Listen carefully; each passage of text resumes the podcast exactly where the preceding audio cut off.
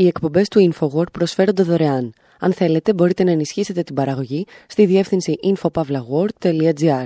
Η διεύθυνση infopavlagor.gr. Η εκπομπή InfoWord με τον Άρη Χατζηστεφάνου.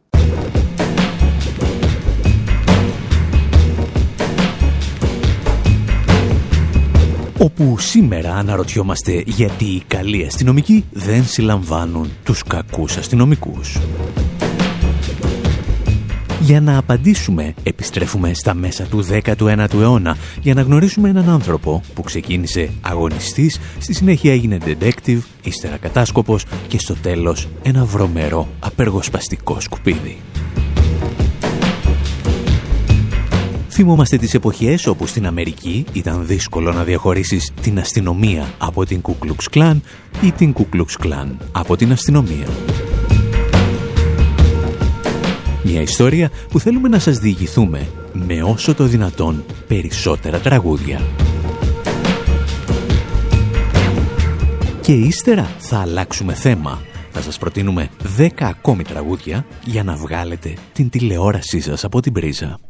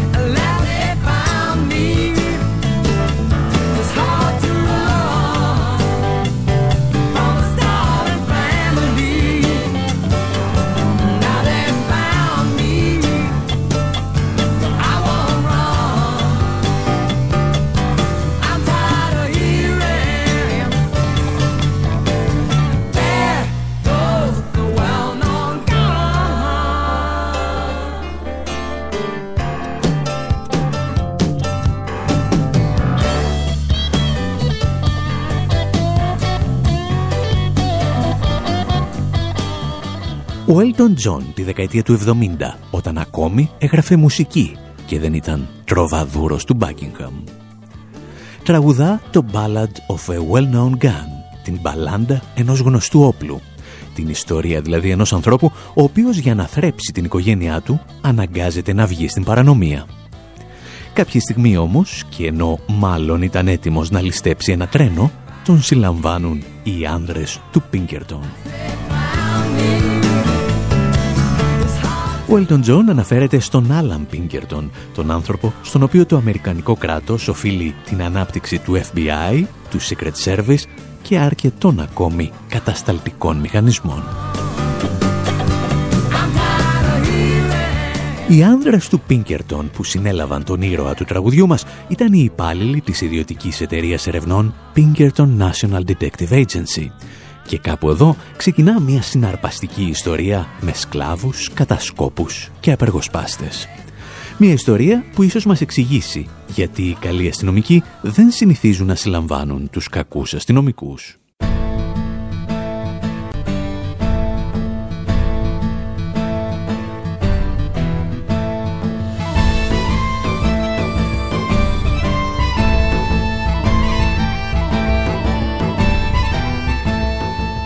Ο Άλαν Πίνκερτον θα γεννηθεί τον Αύγουστο του 1819 στη Γλασκόβη της Σκοτίας. Παρά το γεγονός ότι αναγκάζεται να εγκαταλείψει το σχολείο σε ηλικία 10 ετών, όταν πεθαίνει ο πατέρας του, διαβάζει φανατικά ό,τι βρίσκει μπροστά του. Από πολύ μικρός αρχίζει να παρακολουθεί τις πολιτικές εξελίξεις και εντάσσεται στους χαρτιστές.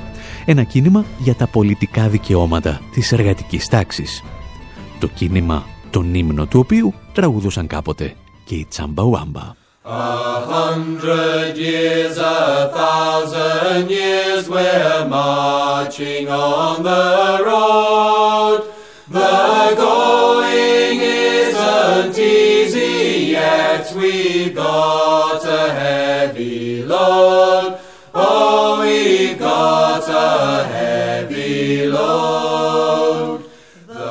Ο Πίνκερτον λοιπόν ήταν αρχικά πολύ καλός μας φίλος. Άθεος, πάντα στο πλευρό των εργατών, παντρεύτηκε στα κρυφά τον έρωτα της ζωής του και έφυγαν μαζί για τις Ηνωμένες Πολιτείες. Και εκεί έκανε κάτι ακόμη πιο ηρωικό. Συμμετείχε ενεργά στον περίφημο υπόγειο σιδηρόδρομο. Και αν δεν θυμάστε τι είναι αυτό, μας τα εξηγούσε παλαιότερα ο Λούις Άρμστρονγκ.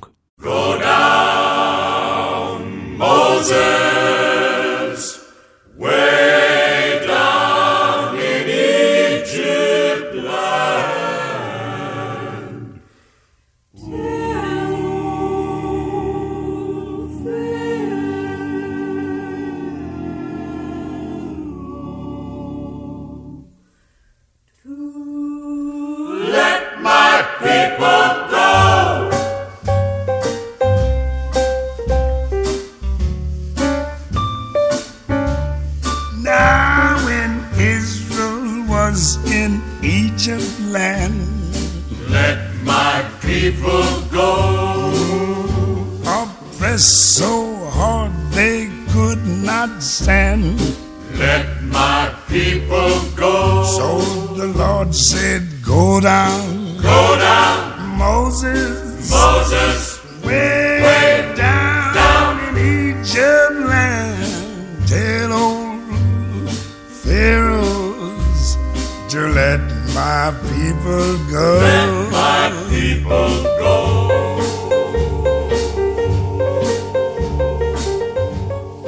Ο Λούις Άρμστρονγκ διασκευάζει το Go Down Moses, ένα παλιό θρησκευτικό τραγούδι των μαύρων σκλάβων της Αμερικής που θεωρητικά περιγράφει την εντολή που έδωσε ο Μωυσής στο Φαραώ να αφήσει το λαό του Ισραήλ να φύγει.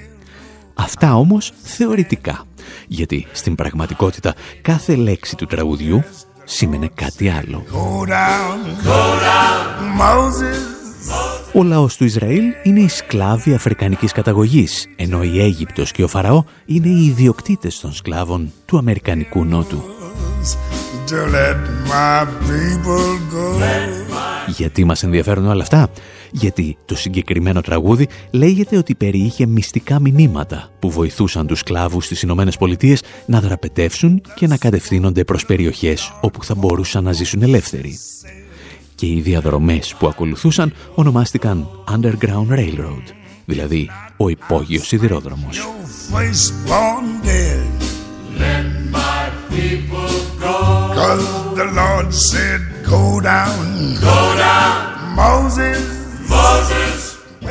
Ο ήρωας της ιστορίας μας, ο Άλαν Πίνκερτον, θα παίξει καθοριστικό ρόλο στον υπόγειο σιδηρόδρομο. Είναι ένας από τους λευκούς που συμμετέχουν στο κίνημα για την απελευθέρωση των σκλάβων.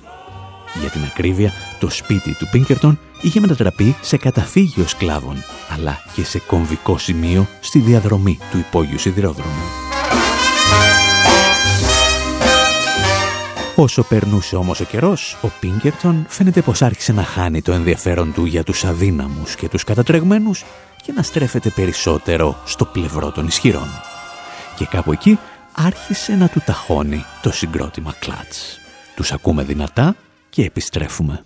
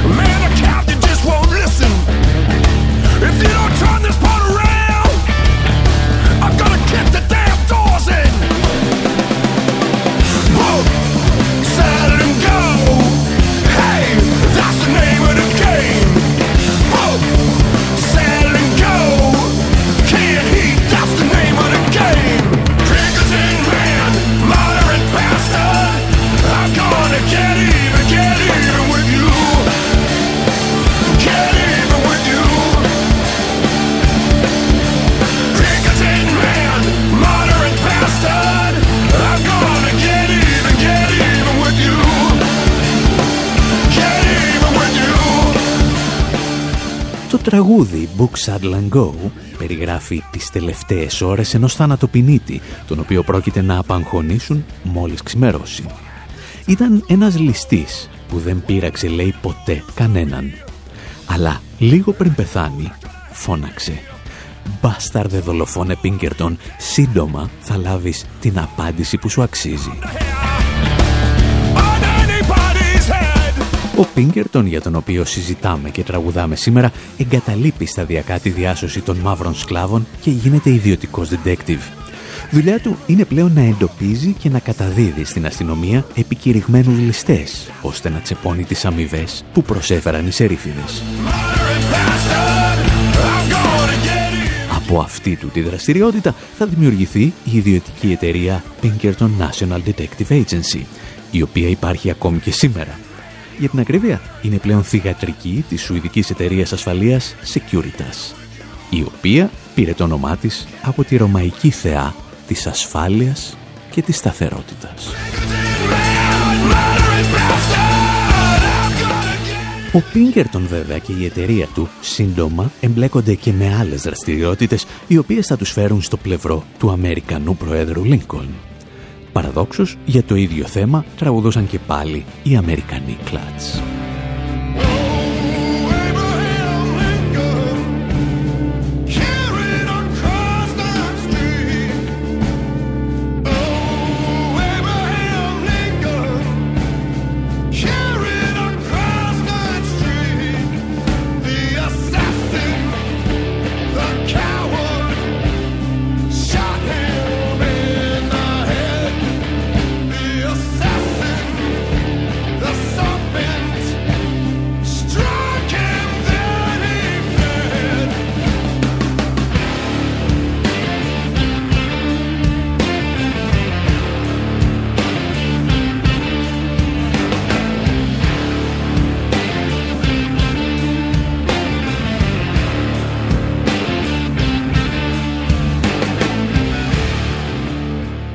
Αυτή τη φορά το συγκρότημα τραγουδά για τη δολοφονία του Πρόεδρου Λίνκολν και στολίζει με διάφορα κοσμητικά επίθετα τους δολοφόνους του. Το πρόβλημα είναι ότι την προστασία του Πρόεδρου είχε αναλάβει για κάποιο διάστημα η εταιρεία του Πίνκερτον Για την ακρίβεια, ο ίδιος ο Πίνκερτον έφτιαξε το όνομά του στην Αμερική όταν κατά δήλωσή του απέτρεψε προηγούμενο σχέδιο δολοφονίας του Προέδρου στη Βαλτιμόρη. Η συνεισφορά της εταιρείας του θεωρήθηκε τόσο σημαντική, ώστε αρχικά της δόθηκε ως υπεργολαβία η προστασία του Προέδρου και στη συνέχεια δημιουργήθηκε στο πρότυπό της η περίφημη Security Service. Η συμπεριφορά της εταιρείας θεωρήθηκε τόσο σημαντική, ώστε αρχικά της δόθηκε ως υπεργολαβία η προστασία του Προέδρου και στη συνέχεια δημιουργήθηκε στο πρότυπό της η περίφημη Secret Service, η Αμερικανική υπηρεσία που είναι αρμόδια για την ασφάλεια των Προέδρων και των οικογενειών τους. Και αν μέχρι στιγμής όλα σας φαίνονται λίγο πολύ αναμενόμενα για την πορεία του Πίνκερτον, είναι γιατί μάλλον δεν έχετε ακούσει τα υπόλοιπα άνδραγα θύματά του. Μας ξεναγούν σε αυτά οι Dubliners. the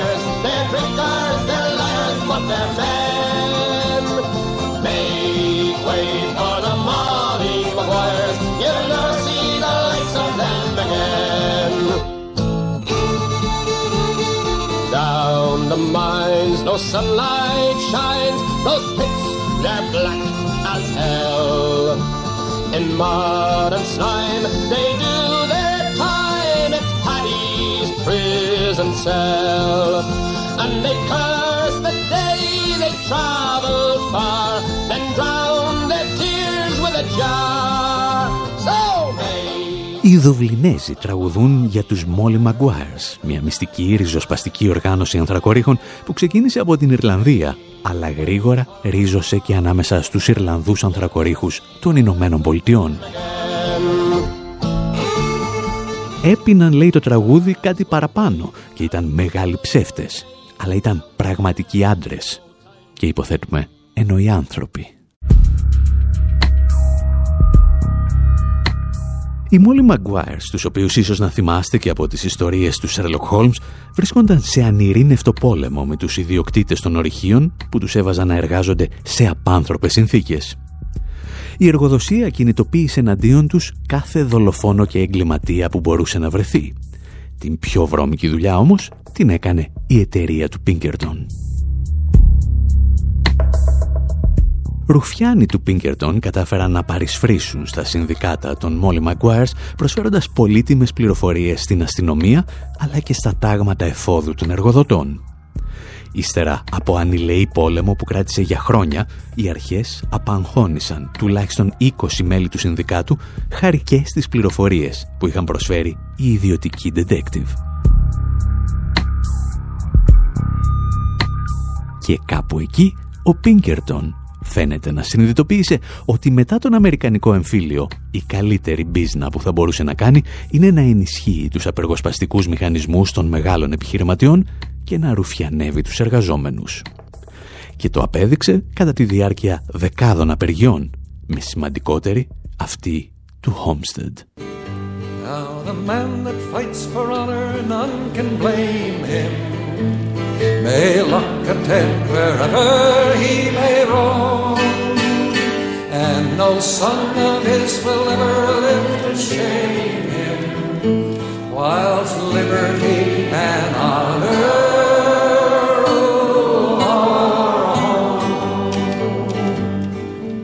Ο Πιτ Σίγκερ τραγουδά ένα από τα θρηλυκά κομμάτια για την απεργία του Homestead της Πενσιλβάνια στα 1892 οι εργαζόμενοι σε εργοστάσια χαλιβουργίας είχαν κατέβει σε απεργία και οι εργοδότες, σε συνεργασία με την κυβέρνηση, έστησαν έναν τεράστιο απεργοσπαστικό μηχανισμό. Καθώς η Ομοσπονδιακή Κυβέρνηση αδυνατούσε να ελέγξει την κατάσταση, την δουλειά ανέλαβε η εταιρεία του Πίνκερτον. Έστειλε τουλάχιστον 300 ένοπλους πράκτορες, γεγονός που οδήγησε σε αιματηρές συγκρούσεις με τους απεργούς. Τελικά οι Pinkerton, όπως τους αποκαλούσαν, υπέστησαν ταπεινωτική ήττα και οι εργάτες τους συνέλαβαν και τους παρέδωσαν στην αστυνομία. Το πρόβλημα ήταν ότι η αστυνομία τους άφησε αμέσως ελεύθερους, αφού ως ένα βαθμό δρούσαν κατ' εντολή της κυβέρνησης.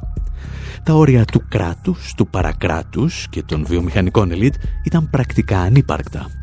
Συλλαμβάνοντας τους Pinkerton, το κράτος θα ήταν σαν να συλλαμβάνει τον εαυτό του.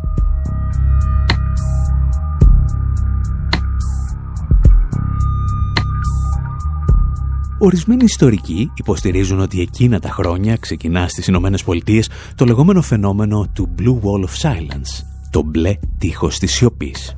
Το γεγονός δηλαδή ότι οι αστυνομικοί δεν συλλαμβάνουν αστυνομικούς ή συνεργάτες της αστυνομίας και δεν το κάνουν ακόμη και όταν αυτοί παρανομούν.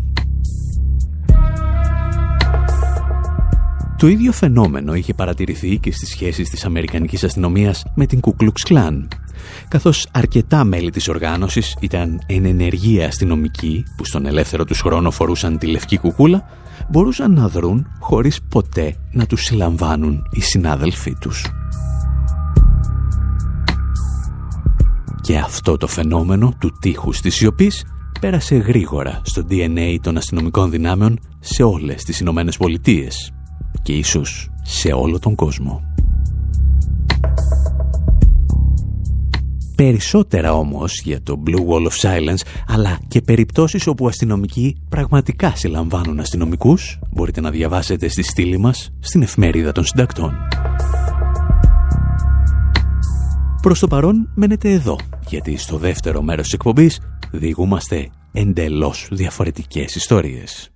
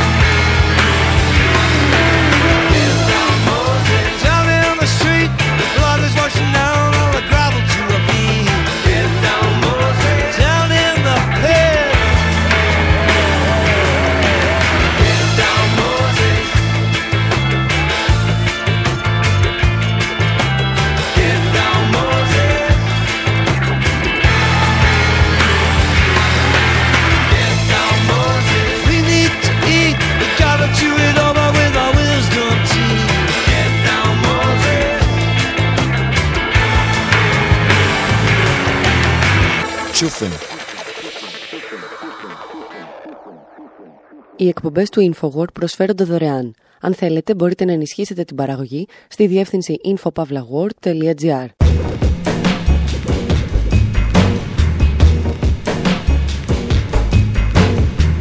Εκπομπή InfoWord, μέρος δεύτερο.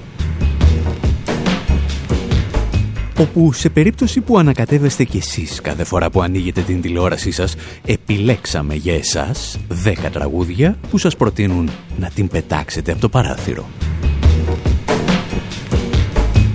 Εμείς πάλι που είμαστε του ριζοσπαστικού ρεφορμισμού θα σας προτείναμε απλώς να αφαιρέσετε την κεραία. Αλλά η απόφαση είναι τελικά δική σας. Εμείς απλώς ακούμε τον Bruce Springsteen να μην βρίσκει τίποτα σε 57 κανάλια, τους Public Enemy να παρακολουθούν αειδιασμένοι το κανάλι 0 και τους Disposable Heroes of Hypocrisy να βλέπουν στη μικρή οθόνη το όπιο ενός έθνους. Ξεκινάμε όμως ελαφρώς πιο κλασικά με ο λίγων από Red Hot Chili Peppers στη θέση 10. Throw away your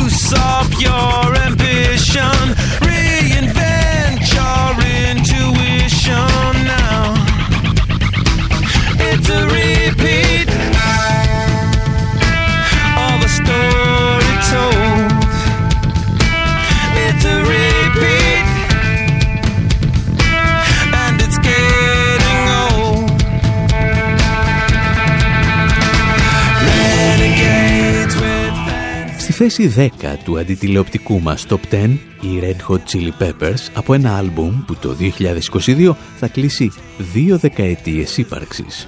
Ζωή να έχουμε. Απλό και ξεκάθαρο μήνυμα. Πετάξτε την τηλεόρασή σας.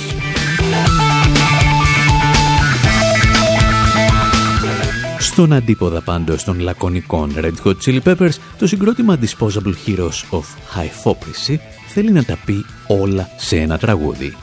Και έτσι γεννιέται το Television, The Drug of the Nation. Well, on a brighter note, commercial break. The government has now banned the carrying of spears. Stop about every thousand miles ain't asking too much, is it? You might wish to uh, stay on and listen.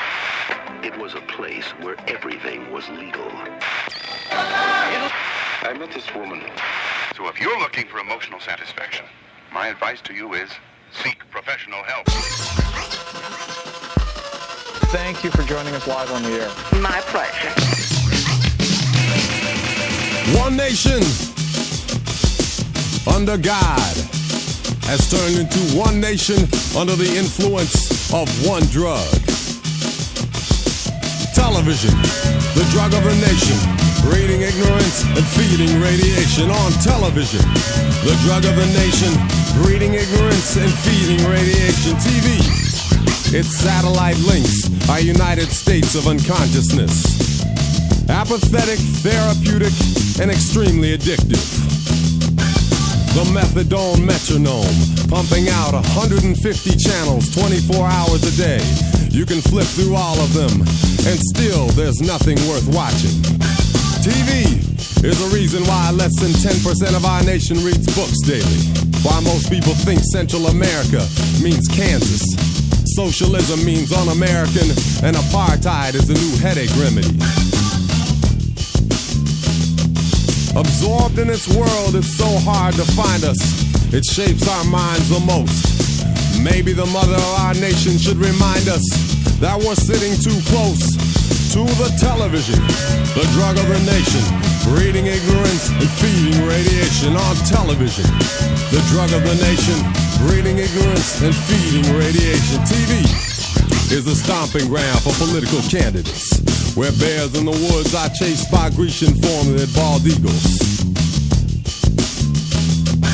TV is mechanized politics, remote control over the masses. Co-sponsored by environmentally safe gases. Watch for the PBS special. It's a perpetuation of the two-party system, where image takes precedence over wisdom, where sound soundbite politics are served to the fast food culture, where straight teeth in your mouth are more important than the words that come out of it. Race baiting is the way to get selected. Willie Horton or will he not get elected on television? The drug of the nation, breeding ignorance and feeding radiation on television. The drug of the nation, breeding ignorance and feeding radiation. On the screen is an address where you can mail your tithe offering or gift of love. Okay, got the idea? All right, now let's concentrate. Is it the reflector or the director? Does it imitate us or do we imitate it? Because a child watches 1,500 murders before he's 12 years old. And then we wonder why we created a Jason generation that learns to laugh rather than abhor the horde. TV is a place where armchair generals and quarterbacks can experience firsthand the excitement of video warfare as the theme song is sung in the background. Sugar sweet sitcoms that leave us with a bad actor taste. While pop stars metamorphosize into soda pop. Σε περίπου 6,5 λεπτά, οι Disposable Heroes of Hypocrisy μιλούν για τον σοσιαλισμό, το apartheid, την Κεντρική Αμερική, τον Αμερικανικό δικοματισμό και δεκάδες άλλα ζητήματα. Η κεντρική ιδέα όμως είναι ότι η τηλεόραση είναι το όπιο του έθνους. Και κατέληξαν λέει εκεί αφού είδαν 120 κανάλια και δεν βρήκαν τίποτα αξιόλογο να παρακολουθήσουν. Παρόμοια προβλήματα φαίνεται πως είχε παλαιότερα και ο Μπρουκ Springsteen, αν και αυτόν μάλλον τον έριξαν στο καλωδιακό πακέτο που διάλεξε. Αυτός είχε μόλις 57 κανάλια, τα οποία δεν έπαιζαν τίποτα.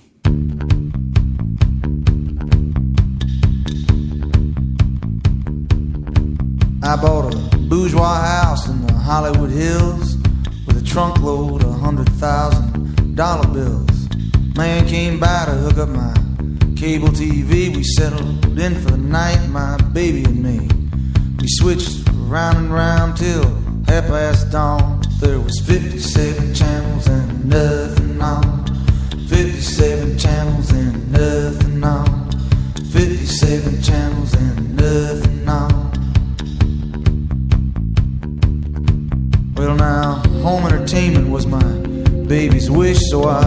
hopped into town for a satellite dish. I tied it to the top of my Japanese car. I came home and I pointed it out into the stars. A message came back from the great beyond. There's 57 channels and nothing on.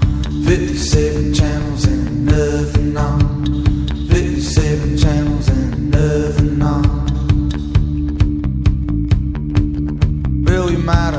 made some friends with some billionaires. You might have got all nice and friendly if we made it upstairs. All I got was a note that said bye bye, John. Our love's 57 channels and nothing on. So I bought a 44 Magnum with solid steel cash. Ως παλαιότερη καραβάνα λοιπόν, ο Bruce Springsteen μεγάλωσε σε μια εποχή που ο μέσος Αμερικανός είχε να παρακολουθήσει μόνο 57 κανάλια, τα οποία δεν έπαιζαν, λέει, τίποτα αξιόλογο. Judge said what you got in your defense, son; Αντίθετα, οι Public Enemy είχαν ένα ελαφρώς διαφορετικό πρόβλημα. Η κοπέλα κάποιου μέλους του συγκροτήματος περνούσε το μεγαλύτερο μέρος της ζωής της παρακολουθώντας σκουπίδια σε ένα κανάλι. Το κανάλι 0. You're blind, baby. You're blind from the facts on who you are because you're watching that garbage.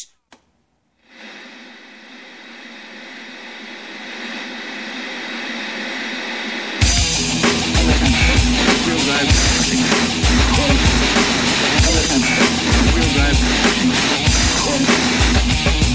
The woman makes the men all pause, and if you got a woman, she might make you forget yours. There's a five-letter word to describe her character, but her brain's being washed by an actor. And every real man that tries to approach comes a close he comes, it gets just like a rope. I don't think I can handle. She goes channel to channel, home looking for that hero. She watched Channel Zero. She watch, she watch, she watch, she watch, she watch, she watch, she watch, she watch, she watch, she watch, she watch, she watch, she watch, she watch,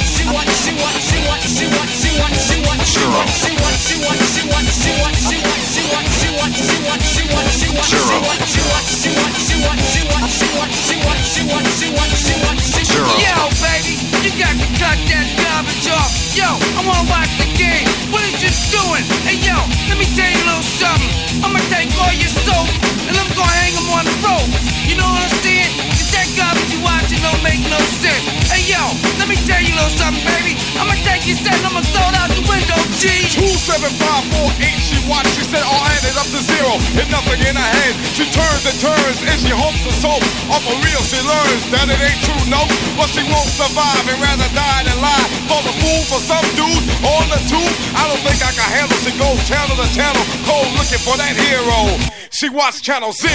She watch, she watch, she watch, she watch, she watch, she watch, she watch, she watch,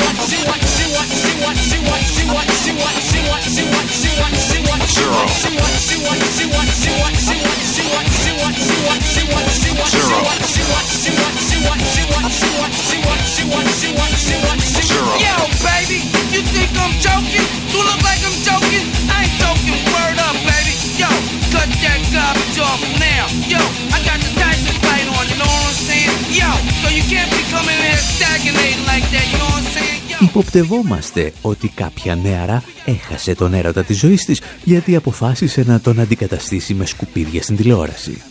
Και οι Public Enemy την αντιμετώπισαν σαν ασθενή, ο οποίος δεν έχει καμία ελπίδα σωτηρίας.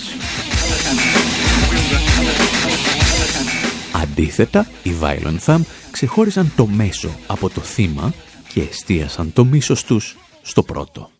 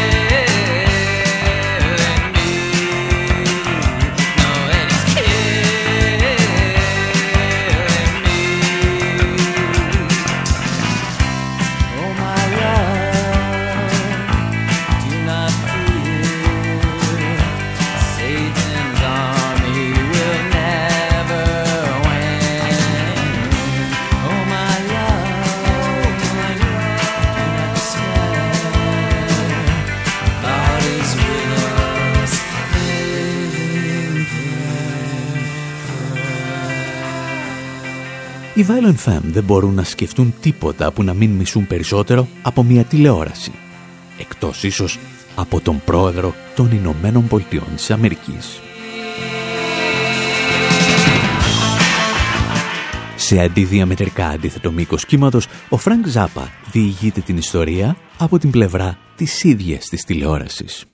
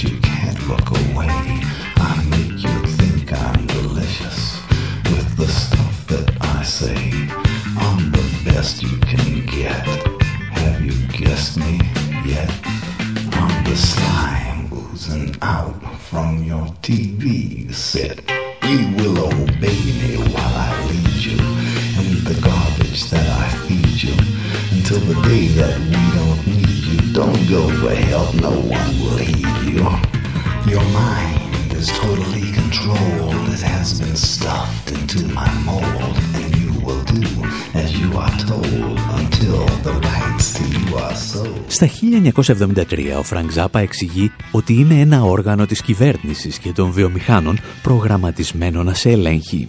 Είναι χυδαίος και ανώμαλος με δεκάδες εμμονές. Εν ολίγοις, όπως λέει και ο τίτλος του τραγουδιού, είναι μία γλίτσα. Και όλα αυτά τα λέει εκπροσωπώντας έναν τηλεοπτικό δέκτη. Γεγονός που αναγκάζει τους Adverts να του απαντήσουν τηλεόραση τέλος.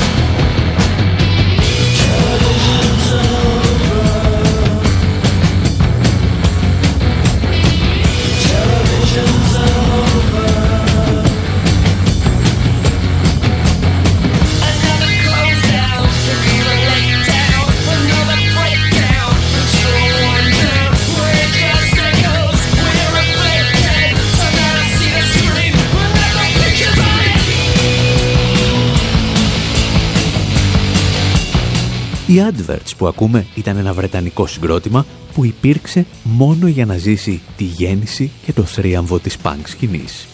Δημιουργήθηκαν το 1976 και το διαλύσανε το 1979. Αντίθετα, το επόμενο τραγούδι για την τηλεόραση έρχεται από ένα συγκρότημα που επίσης γεννήθηκε το 1976 αλλά συνέχιζε ακάθεκτο μέχρι το 2009. Κυρίες και κύριοι, οι Cramps στο TV Set.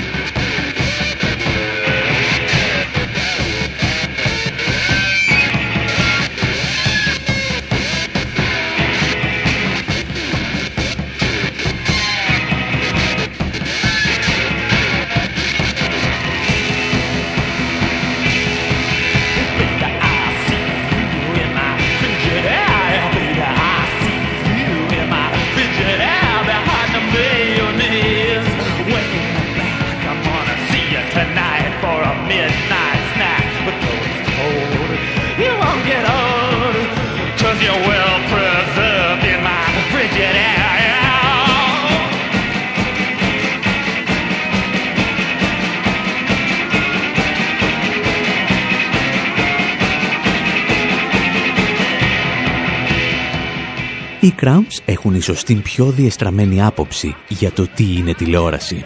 Θα σου κόψω λέει το κεφάλι και θα το βάλω στον τηλεοπτικό μου δέκτη και θα χρησιμοποιώ τους βολβούς των ματιών σου για να αλλάζω κανάλια. Το οποίο σε δεύτερο άκουσμα ίσως να μην έχει και πολύ σχέση με το θέμα της σημερινής μας εκπομπής. Κάντε όμως λίγη υπομονή γιατί φτάσαμε ήδη στη θέση 9 της λίστας των τραγουδιών για όσους μισούν την τηλεόραση από τα βάθη της ψυχής τους. Οι Daft Punk μας επαναφέρουν σε μια στοιχειοδός πολιτική ατζέντα υποστηρίζοντας ότι η τηλεόραση ελέγχει και καθοδηγεί το έθνος.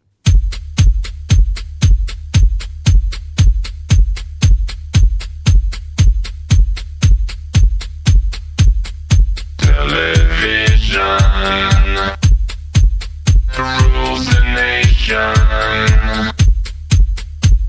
it.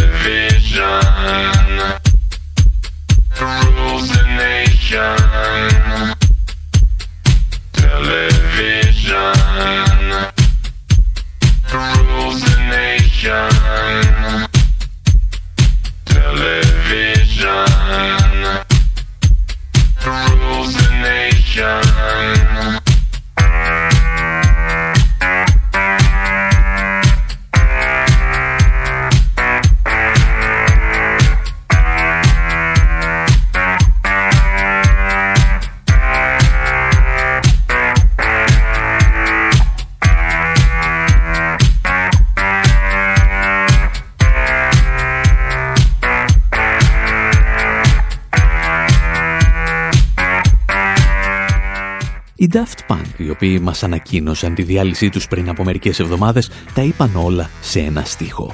Η τηλεόραση, λέει, ελέγχει το έθνος.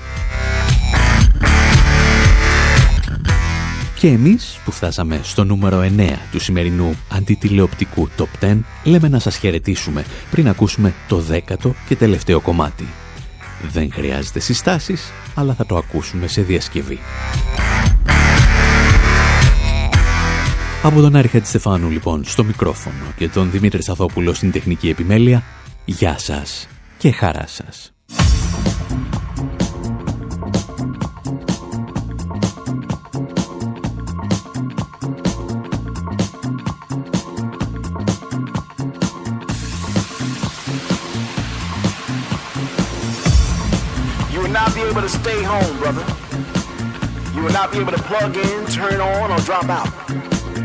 You will not be able to lose yourself on Skag or skip out for beer during commercials because the revolution will not be televised.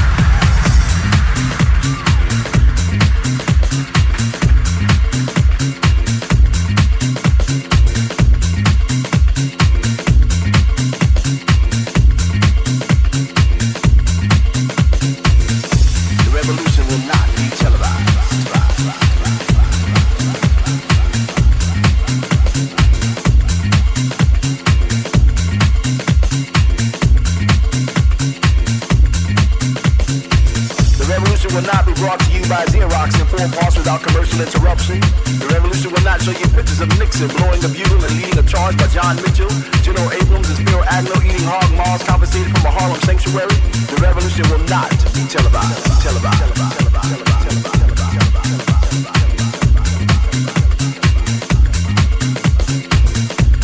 Will not be brought to you by the Shape of War Theater and will not star Natalie Wood and Steve McQueen or Bullwinkle Jr. The revolution will not give your mouth sex appeal. Revolution will not get rid of the nubs. The revolution will not make you look five pounds thinner because the revolution will not be televised. Be televised. Be.